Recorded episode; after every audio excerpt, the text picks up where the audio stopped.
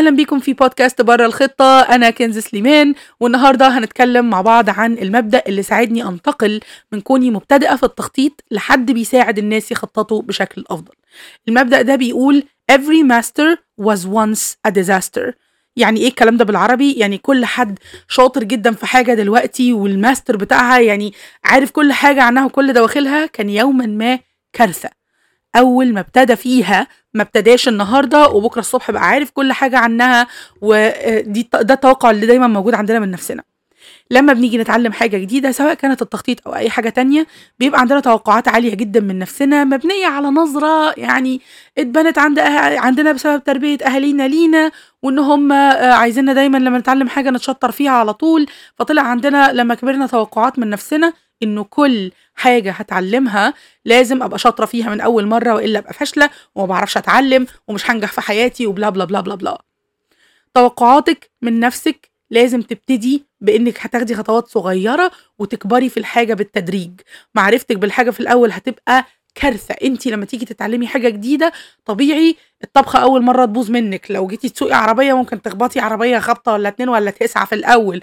لما أي طفل حتى بيبي لما بيجي يتعلم يمشي ما بيتحركش فجأة من الزحف للمشي مرة واحدة. بيمشي ويتكعبل ويقع ويتسند ويقوم وهكذا.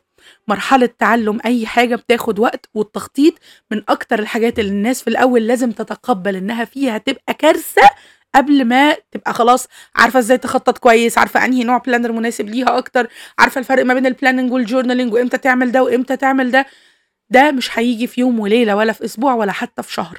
لازم الأول تتقبلي انك تبقي كارثة في البداية في الحاجات دي وتعملي غلطات كتير وتواجهي خوفك من انك تعملي غلط لأنه في التخطيط محدش بيشوف البلانر بتاعتك هيديكي عليها درجة من عشرة محدش بأمانة وبكل حب على فكرة محدش فارق له خططك وأهدافك غيرك انت.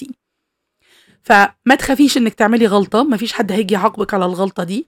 ما تخافيش إنك تعملي غلطة واثنين وثلاثة وعشرة ده مش معناه إن انت فاشلة ده معناه إن انت بتتعلمي. ودايما دايما هنستخدم معانا المبدأ ده كمفتاح في رحلتنا اللي جاية مع بعض إن شاء الله في البودكاست ده. Every master was once a disaster. كل مرة هتيجي تتعلمي فيها طريقة جديدة للتخطيط أو استخدام النوت بوك في حاجة معينة أو أو أو اعرفي وتأكدي إنك هتعملي غلطات وقولي لنفسك إنه okay إن أنا أعمل غلطات دلوقتي أتعلم منها فأبقى ماستر في التخطيط ده بعدين أحسن من إني أفضل خايفة من إني أعمل غلطات وبرضو أجي بعد شهر ولا اتنين ولا ستة ولا عشرة ولا سنة ولا اتنين ألاقي نفسي لسه مش عارفة أخطط وأتهم نفسي إن أنا ما بتعلمش وإن أنا بضيع وقت وإن أنا وإن أنا. فأنا عايزاكي دلوقتي تفكري فيما يخص التخطيط لحياتك ولأهدافك إيه الجزء أو الناحية في حياتك اللي أنت في العادة بتخافي تعملي فيها غلطات؟ نفسك جدا تبقي ماستر فيها وبتخافي تعملي فيها غلطات؟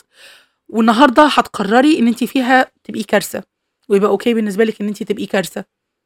عشان أنت مش هتبقي كارثة على طول هتبقي كارثة بس في الأول.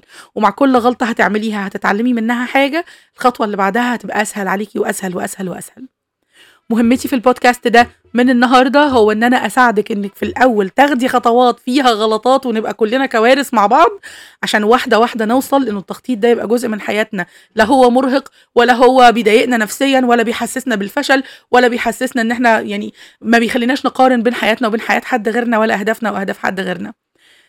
كل مرة هنتكلم مع بعض ده هيبقى مبدأنا الثابت من هنا ورايح. Every master was once a disaster. مستنياكي تعرفيني في ال comments إيه الحاجة اللي قررتي من النهارده تكوني كارثة فيها وما تنسيش like share و mention واشوفكم الحلقة اللي جاية.